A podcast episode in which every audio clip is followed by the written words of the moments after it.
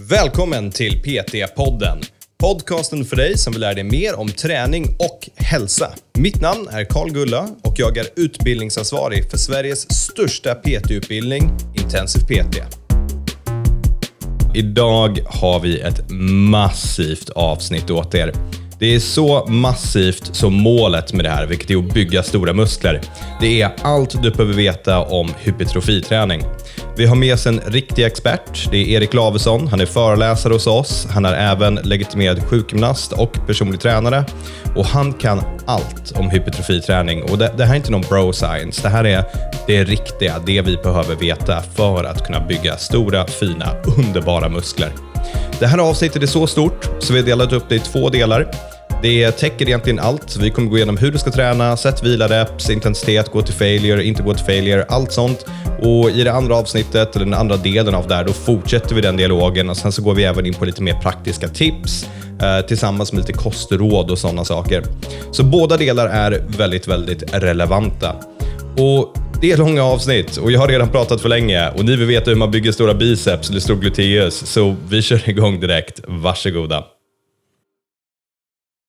Det känns som att vårt poddkontor går bara neråt. Ja, det måste man nog säga. Först, äh, första gången satt vi hemma hos mig, andra Ja. gången så var det någon lite större... Då hade vi så här coworking space som var Just ganska det. fint och nu sitter vi i en städskrubb på Ja, Crossfit Södermalm. Det, hoppas att inte här är representativt för... För lyssnarna av podden. Nej men du, du är faktiskt ett, jag tror du är nummer ett mest lyssnade avsnitt. Det allra första avsnittet. Okej, ja. Så då har det bara gått ut för då? Ja, jag vet säga. inte. Ja, folk har inte haft samma mängd tid att samla på sig för att lyssna på avsnitten. För du har legat där länge. Men du Ja. Erik, du är eh, fysio, du är en av de mest erfarna PTs vi vet. Du är föreläsare både för oss och för intensiv kost. Du kan träning. Eller? Vet inte. Det är, ju- ju mer man lär sig desto mer inser man ju hur egentligen lite man kan. Eller man, desto mer ödmjuk blir man ju inför det faktum att, man, att det är mycket vi inte vet fortfarande och så vidare. Men det är ju alltid, det är därför det är så roligt också att man får en möjlighet att eh, vidareutbilda sig. Både genom det här praktiska klientarbetet med, med, ja, med, som PT och även experimenterande med egen träning, läsa studier, böcker med mera. Prata om, snacka om träning, det vi gör nu. Det är ju skitkul. Ja, och det, och det här är en perfekt inställning att vara lite ödmjuk till det vi ska prata om idag. För dagens ämne är ju i stort sett allt du behöver veta om hypertrofiträning. Och Yes. det kan inte vara något annat ämne som har mer bro science bakom sig än hypertrofiträning, eller? Verkligen, jag håller helt med. Det är ju mycket, alltså, ja, nej, det, det, nog, det känns där som att många har, eh, som sagt, det, är förmodligen fortfarande mycket vi inte riktigt vet, men det finns i alla fall eh, hyfsat evidensbaserade riktlinjer som jag tänkte ta upp här i det här avsnittet och eh, som jag tror inte många inte känner till. Om man, om man tar en typisk gymtränare så kanske man tränar lite för mycket skulle jag säga på känsla, vilket i och för sig kan vara bra, men det är också bra om man, man på något sätt har någon form av metodik och kanske eh, till och med vetenskap med det hela. Inte minst när man jobbar, jobbar som PT med klienter som vill ha resultat. Ja men absolut. Så, så om vi börjar med så här, en lite enkel grej. Vad, vad faktiskt är hypertrofiträning? Var, varför gör man det? Vad är målet? Då tänker jag att målet är helt enkelt att man vill eh, egentligen förbättra kroppssammansättningen över tid. De flesta som vill bygga muskler, vilket då hypertrofi kallas, är, vill ha mer muskler och mindre fett över tid. De vill komma i bättre form helt enkelt. Sen, Så att det kan ju vara, tänker jag med en klassisk person som vill eh, bygga muskler så är det ofta kanske lite en yng- yngre person, ofta manligt kön. Men eh, det är många klienter, alla åldrar egentligen, som tänker att de vill ha en lite fastare kropp över tid. Och, det, och det innebär ju i princip att man vill primärt kanske då tappa fett men också bygga upp lite lagom mängd muskelmassa på rätt ställen. Det, det är bra att du nämner det, för hypertrofiträning, det är inte så att det är en binär grej. Antingen så bygger du muskler eller så gör du inte det. Men vissa har kanske ett större mål av att bygga muskler och kanske om det är bodybuilding eller bikini fitness eller vad som helst. Men de allra flesta har ju något behov kanske av att ha en bättre kroppssammansättning. Verkligen, verkligen. Och man, vi vet ju också att muskler, menar, en viss mängd muskelmassa kan man i alla fall tänka sig har ett visst skydd mot, ökat skydd mot skador. Kanske även att man har lite bättre insulinkänslighet vilket skulle kunna minska risken för diabetes typ 2 över tid möjligen. I kombination med att man håller ner kroppsfett och midjemått med mera och i kombination med annan träning. Men så jag tänker att eh, hypertrofiträning eller träning för att bygga, öka muskelmassan kan vara lite bredare än vad den än vad många, alltså, många den, är, den är bredare än vad många, många tror. Mm. Ja, det, det är en av nycklarna som vi behöver för ett långt, friskt och hälsosamt liv. Absolut, verkligen. Så även om du inte vill bygga de största bicepsen eller rumpan i världshistorien, det här är ett vettigt avsnitt för dig att lyssna på. Just det. Då börjar vi lite enkelt. Hur fan ska jag tänka när det gäller hypertrofiträning? Det som genererar hypertrofi, det är framförallt dels mekanisk anspänning när man tränar. Och Det kan man antingen uppnå genom att lyfta en vikt som är hyfsat tung redan från början, mellan sig 5-8 repetitioner eller en vikt du klarar att lyfta 5-8 gånger. Alternativt en lättare vikt då, som du får lyfta flera gånger och kanske trötta ut muskeln. Då. Då kommer framförallt de, det är framförallt de sista repetitionerna eh, som, som egentligen kommer ta då. Alltså tar jag en vikt som jag klarar att lyfta 15 gånger då kommer de första tio kanske vara lite transportsträcka och sen de första fem kommer, kommer bli, först där kommer vi uppnå den här mekaniska anspänningen på musk muskulaturen. Så att det är väldigt viktigt att man uppnår det och i kombination med en tillräckligt stor träningsvolym mm. över tid. Och En annan nyckel är också att man gör någon form av progression över tid. Att det finns ju en ganska tydlig koppling mellan ökad styrka och muskelmassa. Så att över tid ska man förhoppningsvis öka träningsvikterna och eller eh, utföra fler reps på en given belastning och kanske även bygga upp träningsvolymen över tid med mera.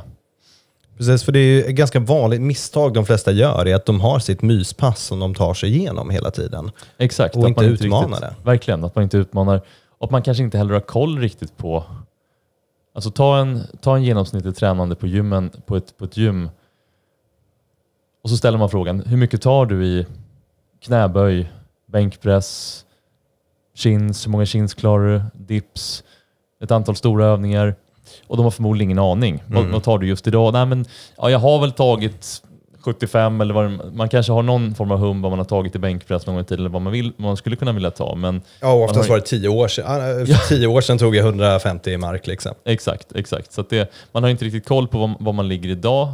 Man, man, har ingen kanske riktigt struktur i träningen. Mm. Och man ställer frågan idag per vecka, hur, många, eller hur stor träningsvolym har du idag? Eller med, hur många set per muskelgrupp utför, utför du i nuläget med ditt nuvarande program? De flesta har ingen aning där. Nej, men jag kör väl en tre, fyra övningar för biceps och, och så vidare, men så har de riktig, ingen riktig metodik. Och att man kanske också byter program lite för ofta, eller att man inte har något program, att man bara kör på känsla. Mm. Och såklart kan man, ju, kan man ju komma en bit på vägen med det, men jag tänker att vill man komma vidare eh, och bygga upp en, alltså, till nästa nivå så att säga, så är det ofta en är det, ja, är det ofta en fördel om man har lite mer eh, en bättre struktur på träningen. Att koll på träningsvolym, att man inte byter program för ofta och att man försöker få till någon form av progression över tid mm. skulle jag säga är viktiga nycklar.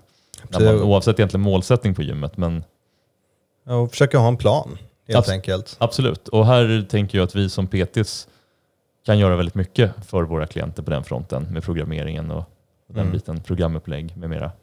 Absolut, och då behöver vi på något sätt gå igenom jag, jag antar att säga vad är det optimala? Det, det är väl alltid svårt, för det kanske varierar från person till person. Men utifrån det vi vet, den evidensen som finns. Det är, förr i tiden så var väl alltid, man säger, ja, du ska göra 15 till 20 reps liksom. Det är Just så det. du bygger hypertrofi, ja. det, det är ju klassiker. Men det, så är det inte riktigt. Så vi, vi, har liksom en lista som vi ska försöka beta igenom, de, ja. de träningsrekommendationerna som finns. Uh, och vi kan väl börja med set och reps. Är, är det liksom 15 reps varje gång? Eller vad var det man sa? Man sa 15 till 20 reps bygger långa muskler och kortare liksom bygger... Men det, hur ska man tänka där?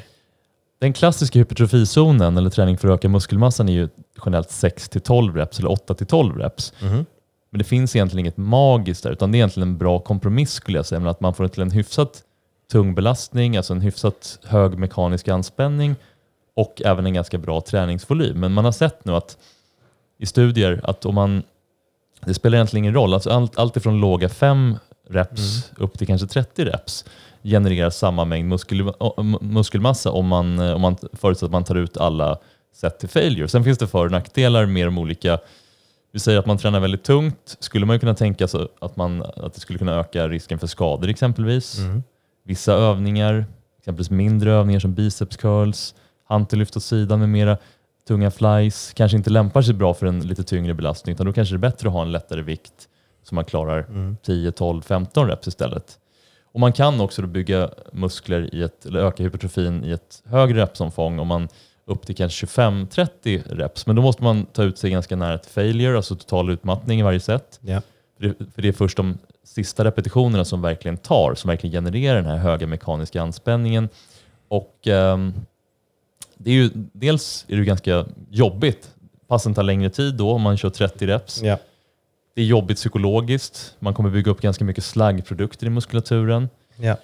Det verkar också vara så att nu är jag lite ute på djupt vatten här, så att säga, med den här fysiologiska biten, men det verkar som att om jag har tolkat det rätt så träning med lättare vikter och fler repetitioner kan eventuellt förlänga återhämtningstiden lite grann, vilket kan generera en större mängd så kallad fatig, eller Mm. ja, muskulär muscle damage som man brukar säga, vilket kan eh, ja, förlänga återhämtningstiden. Så att, och då kan man då säga att mellan 6 och 12, så man kan bygga muskler i ett ganska brett repsomfång, men man, man kan tänka sig att det inte är helt orimligt att anta att det kan vara en fördel att lägga, av praktiska skäl, om inte annat, att lägga merparten av träningen mellan 6 och 12 reps generellt. Och sen kanske toppa med några tyngre set ibland för att bygga upp lite mer basstyrka. Och sen till vissa övningar kanske lämpar sig bättre att köra lite fler reps istället för lättare vikter. Ja.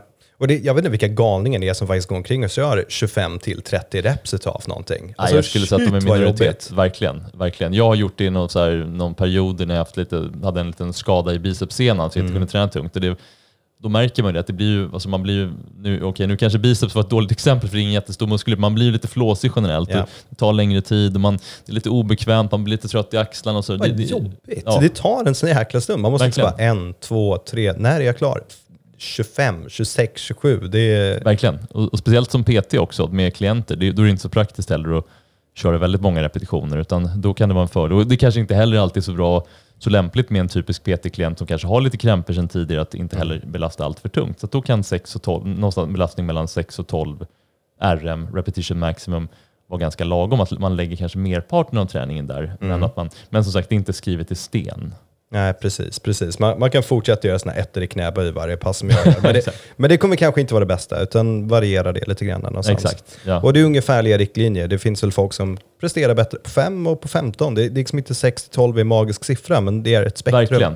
Och jag tänker att man får titta lite grann på pe- personliga preferenser också. Vissa gillar ju det här lite, att få upp, alltså göra lite fler repetitioner, gillar den här brännande känslan i, muskulatur. Pumpen som man kan säga, som kanske man inte då får kanske om man kör lite färre repetitioner. Och andra gillar att lyfta lite tyngre. Så det får man också ta i, ta, ha i åtanke när man lägger upp ett träningsprogram. Och man kan också variera över tid såklart. Ja.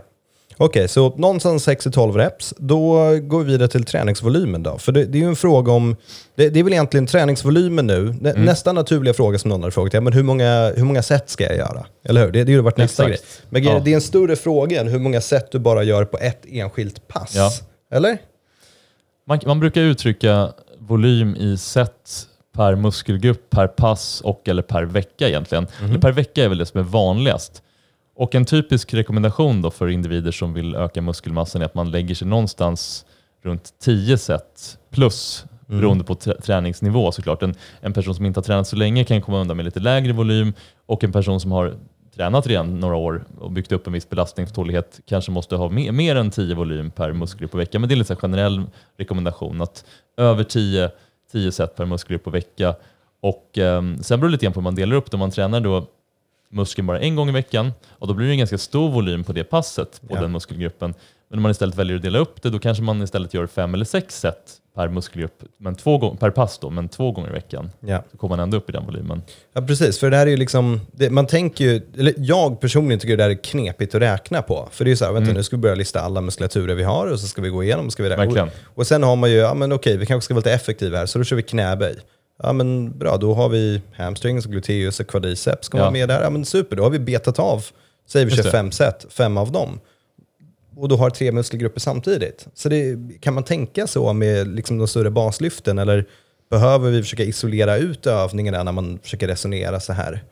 Alltså jag, jag skulle säga att det beror lite grann på, men jag, jag tycker nog att man kan generalisera lite grann. Där. Men skulle jag, som knäböj, då skulle jag nog räkna det som, som Gör jag fyra set knäböj, då skulle jag räkna det som fyra set kvadriceps och även kanske fyra set för gluteus. Och så skulle jag vilja följa upp det med lite fler, eh, någon assistansövning för kvadriceps, kanske benpress, någon utfallsvariant och kanske någon mer isoleringsövning, exempelvis benspark. Och ehm, någon form, lite fler övningar för gluteus. Gluteus är en stor muskelgrupp Ja. har eh, flera funktioner. Ja. Kanske vill utföra någon form av hip thrust-variant, kanske någon form av höftabduktion, Ja. utåtrotation med mera för att komma upp i den volymen. Så att man tänker också att man eh, lite grann på muskelns hur muskeln är uppbyggd, vilka funktioner den har. Man försöker täcka in ett spektrum och att inte alla övningar är för lika varandra. Så att säga. Det är förmodligen bättre att köra då tre övningar än att köra tre övningar med tre, fyra set i vardera än Mm. att köra liksom tio set knäböj för Ja. om man tänker att man vill bygga upp kvadricep. Men knäböj kommer ju alltid vara en bra övning. Knäböj är alltid knäböj. Ja, det är alltid knäböj. Det är bästa övningen. Verkligen. Det går bra för mig nu, så det är min favoritövning just nu. Men det, och det som blir svårt här, det är när man har en kund som är typ, Mm. ah, men okej, vi kör ett PT-pass i veckan och sen kör jag ett pass själv. Ja, Det är så här, det är ganska stor volym vi ska komma upp i för att greja allt det här. Liksom. verkligen. Och jag, tänk, jag tänker lite grann det att man får ju, då, då tänker jag mig för att då är en person som har en ganska, alltså, rätt ny med träning eller inte, förmodligen Ja. inte har tränat jättelänge. Och kanske då också att man får sätta ribban därefter. Och då får man göra det bästa av det helt enkelt. Och då kan man ju definitivt komma undan med en lägre volym. Så för man kan absolut bygga muskler på en lägre volym, men det där är mer för att opti- om man tänker optimalt Ja. för en person som har tränat lite längre. Men man kan absolut bygga, bygga muskler på en lägre volym. Men då kanske man gör så istället att man väljer ut primärt lite större övningar och sen toppar man med några mindre övningar för väl valda muskelgrupper. Antingen som den här klienten och själv, att nej, jag skulle gärna vilja bygga upp ett par mina axlar lite grann, eller min ja, sätesmuskulatur eller vaderna eller vad det nu kan vara. Alternativt du som PT tittar lite grann på klienten, gör en funktionsanalys och även nu, alltså gör en, tittar lite grann på hållningen generellt. Vilka muskler tror du att den här personen skulle vara i? Vad, vad tror vi att det skulle vara bra för den här personen att lägga ner lite extra krut på? Både, både ur ett funktionellt och även ett estetiskt perspektiv, tänker jag. Och, eh, och så väljer vi ut de vad heter det, övningar, lite fler övningar för, för de muskelgrupperna. Och, eh, man kan ju också kompensera, tänker jag, att intensitet uttryckt i, alltså man, man inte kan träna med så stor volym. Mm. Volymen står i relation till träningsfrekvensen också. Och I det här fallet då en person som bara tränar två gånger i veckan, då blir det en ganska låg frekvens. Och det, det i sin tur gör att volymen blir ganska låg också per automatik. Så att säga.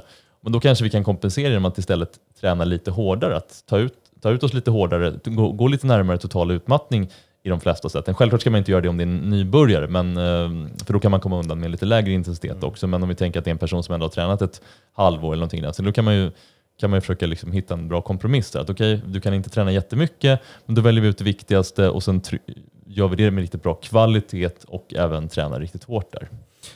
Så vad skulle du säga för Mm. du som har gjort det här så länge med och programmerat åt så många klienter. Och jag antar, för jag känner dig, vi har en spreadsheet här framför oss och jag har diagram för våra poddavsnitt som du har preppat. Liksom. När du gör träningsprogram, det här ligger i ditt bakhuvud och du sitter och räknar på de här sätten och vad det är du försöker få in. Vad är, om du får välja för en klient, vad är liksom minimum antal pass för att göra det här så enkelt som möjligt för dig? Att kunna splitta upp de här eh, tio sätten per muskelgrupp per vecka. Alltså, om jag, om jag får bestämma, om klienten, Ja. jag brukar ofta fråga klienten hur många dagar i veckan kan du realistiskt avsätta för träning? Så det utgår ifrån det. Ofta är det som du säger att ett PT-pass i veckan, ett till två egna pass. Det kanske Mm. blir två till tre pass per vecka. Däremot har man en online-klient som är lite mer självgående, då kanske den personen kan träna fyra eller fem gånger i veckan. Så Ja. Men då får vi utgå från det istället och göra det bästa av det. Men jag, jag brukar säga att man kan absolut bygga upp en viss mått av muskelmassa på bara två pass i veckan, upp till en viss gräns, men man kommer förmodligen nå platå alltså relativt snart skulle jag säga. Och man, det finns ju inte utrymme för jättemycket finlir då. Mm. Tre pass i veckan, då kan man absolut trycka in lite mer volym för ganska många muskelgrupper, pressa Ja. upp dem lite grann. Men det kanske inte finns utrymme för att, alltså, det kanske inte går att träna exempelvis vaderna, baksida axlar, övre kappmuskeln med mera. Ma- Man måste också, även där förmodligen göra avkall på vissa muskelgrupper. Eh, fem dagar i veckan skulle jag säga att klarar man att hålla det över tid, vilket är väldigt få som gör, om man tänker att man ska träna med kvalitet, orka återhämta sig mellan pass, för det är också viktigt att hur mycket, alltså när man väl tränar ska man, ju, ska man verkligen vara fokuserad och träna med, alltså, ja, kunna t- träna hårt helt enkelt med, och med Ja. kvalitet. Eh, Och det är få som klarar att göra det fem dagar i veckan kontinuerligt. Och, eh, men, men klarar man att göra det så, kan man, så skulle jag säga att det, det är kanske en väldigt bra nivå att lägga sig. Och eh, om jag skulle ha en klient på lite högre nivå exempelvis, som, Ja. som då är villig att eh, lägga ner den tiden. I alla fall fyra är väl en sån här gyllene, egentligen, gyllene kompromiss. Det är ofta inte helt omöjligt att få till i praktiken, man hinner återhämta sig bra och man kan få till en ganska stor volym, i alla fall på de, kanske inte tillräcklig volym på alla muskler. Det ska också nämnas här om den här eh, volymrekommendationerna. Eh, det är inte svart på vitt det där, utan det Mm. och man kan brukar säga så att för varje Går man exempelvis från 10 set i veckan till 15, då kommer man inte få ut 50% mer resultat, utan man kanske får ut jag vet inte, 10-15%. Så för varje extra set kommer man få vad heter det? Man, man, man får ut mindre och mindre helt enkelt. Ja. Så att man, man, eh, man kan absolut komma undan med en lägre träningsvolym än just de här 10 seten. Och det, är också, det sker också en viss överlappning mellan muskelgrupper. Exempelvis biceps får en hel del träning på när man gör dragövningar, chins, ja. olika roddövningar. Likaså triceps med pressövningar. Vi har deltoideus, olika delar aktiveras ju ganska mycket, både press och dragövningar, så då kan man förmodligen avrunda lite grann neråt där. Så att om jag gör 10 set dragövningar för ryggen i veckan, då kanske det räcker med att då kanske jag kan, kan avrunda bicep, den rena direkta bicepsträningen ner lite grann, bara 7-8 set eller någonting i den stilen. Ja, precis. Alltså, det, så det kan man också lättare. tänka. Precis. Så, så ett till två pass någonting, vi gör det bästa vi kan. Tre pass, då kan vi göra mer, men vi behöver skära av en del i alla fall lite grann. Liksom, det kanske inte blir de här finnitiska grejerna som har Exakt, man kan absolut få bra resultat med tre dagar i veckan tycker ja. jag. Men det blir kanske inte där, ja, men jag, stora vader eller vad som helst. Det, det blir liksom, man, man, kanske får bygga lite mer generellt. Och sen när vi kommer upp på fyra och fem, då har vi all flexibilitet i världen i stort sett. Absolut, verkligen. Och sex dagar i veckan, det är väldigt få som klarar att träna. Det, det, det är väldigt, då ska man vara väldigt noga med programmering, där återhämt, hålla ner i volym, att det inte blir yeah. för stor volym per pass. Och det här med intensiteten. Jag har själv hoppat på sex dagar i veckan några gånger, men hittills inte lyckats. När jag har gjort det så har jag faktiskt blivit svagare, så yeah. det tyder på att jag inte riktigt har kunnat återhämta mig ordentligt mellan. Men det beror också på hur mycket stress man har i livet i övrigt. Ja.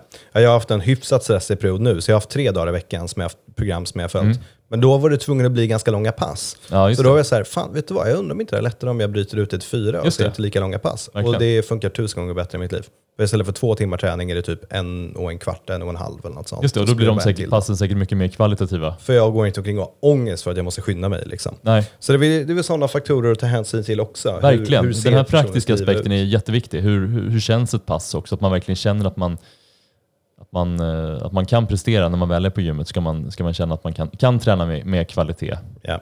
Jag kommer ihåg när jag körde mycket olympiska lyft förut. Då är det typ så här sex set, fem övningar liksom, som är tidskrävande, stora grejer. Och då, så fort det var två övningar kvar, jag bara brände igenom dem för att vara färdig. Liksom. Ja. Och det var förmodligen bättre att kanske inte göra dem då. Alltså det, jag kanske fick någon teknisk inlärning av det, men det kanske kör två set. Nej, jag vet inte. Men det, Nej, men jag håller helt med, verkligen. Det, gör man för många stora övningar på ett och samma pass, då blir det ju svårt att, svårt att orka i längden. Ja.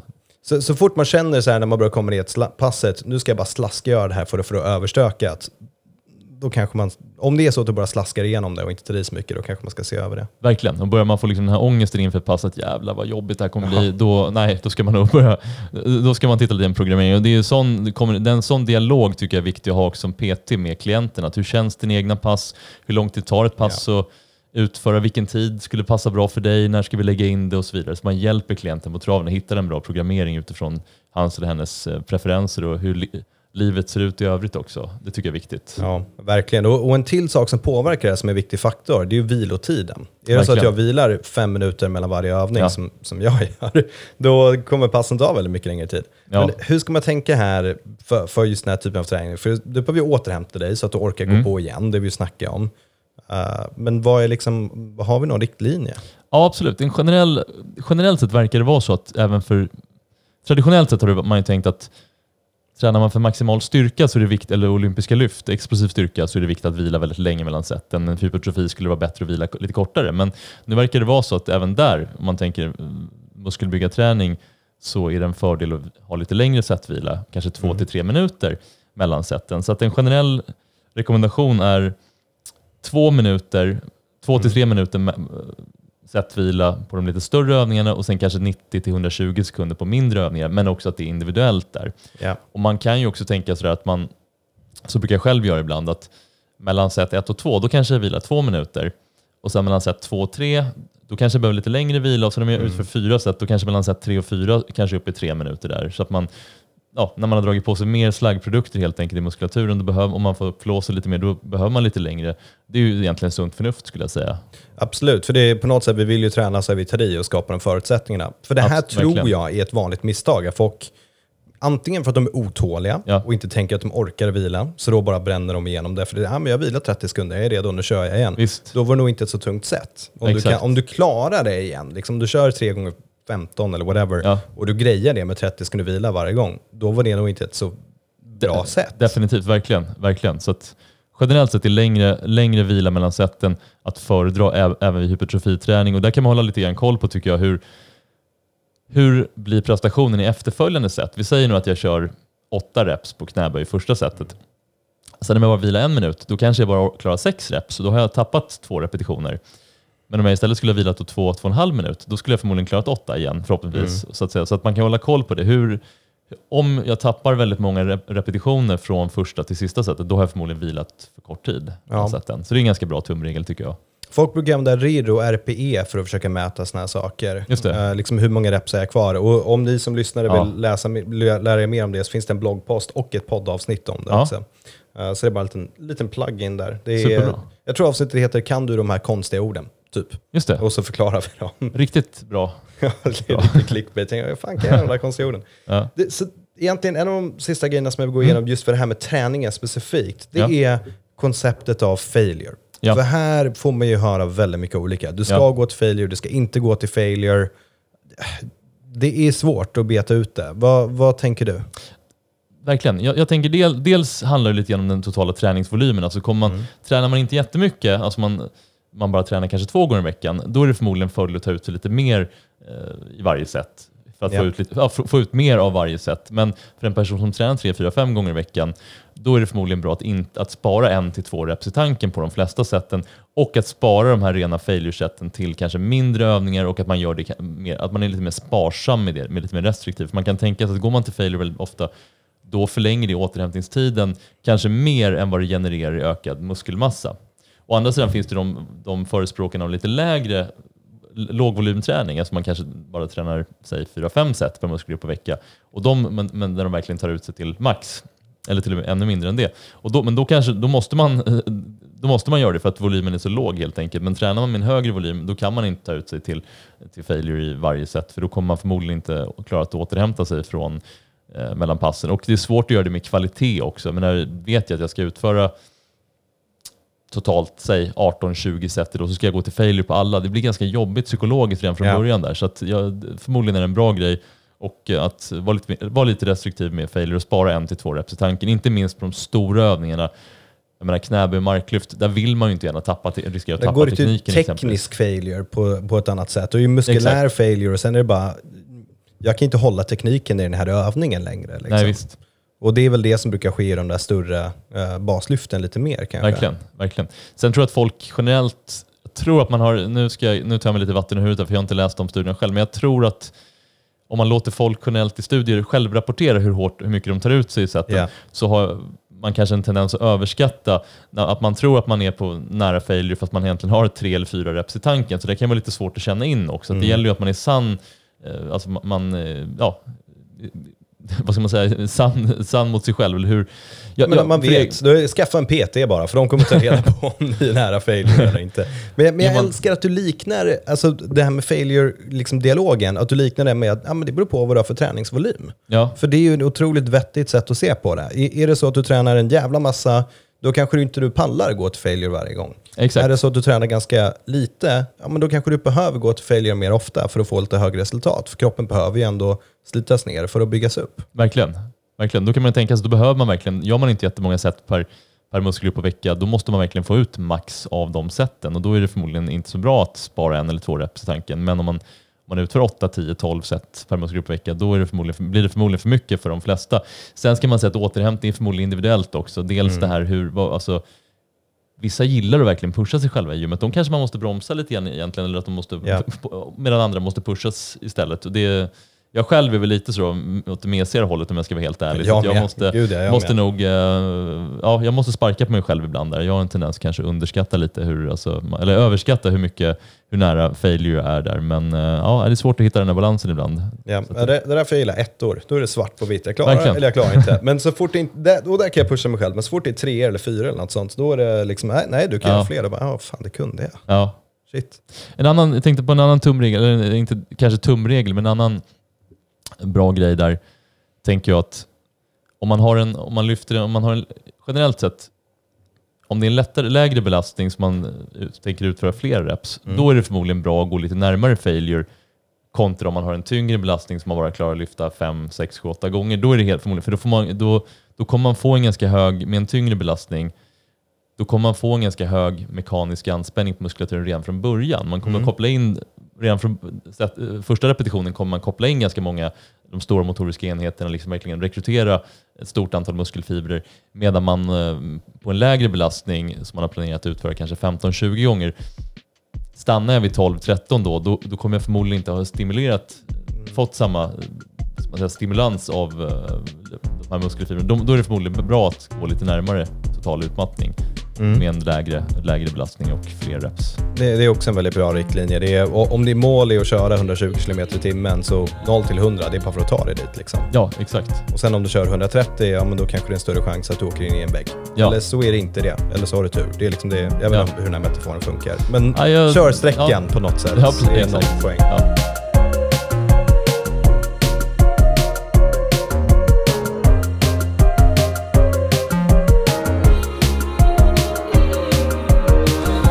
Ja. Hörni, jag är inte helt säker på om den här metaforen faktiskt funkade eller inte. Men undvik att köra in i väggar och men, kör så fort ni kan kanske. Jag, jag vet inte. Hur som helst, jag hoppas ni tycker det här var ett spännande avsnitt. Vi kommer ju fortsätta med det här. Det kommer ju hypotrofi del 2. Det kommer nästa vecka. Så gå in och prenumerera på podden. Då kommer du få den i din sömn och sen så kommer du få del 2 direkt. Så stort tack för att ni lyssnade. Vi hörs igen nästa vecka med fortsättningen av allt du behöver veta om hypertrofiträning.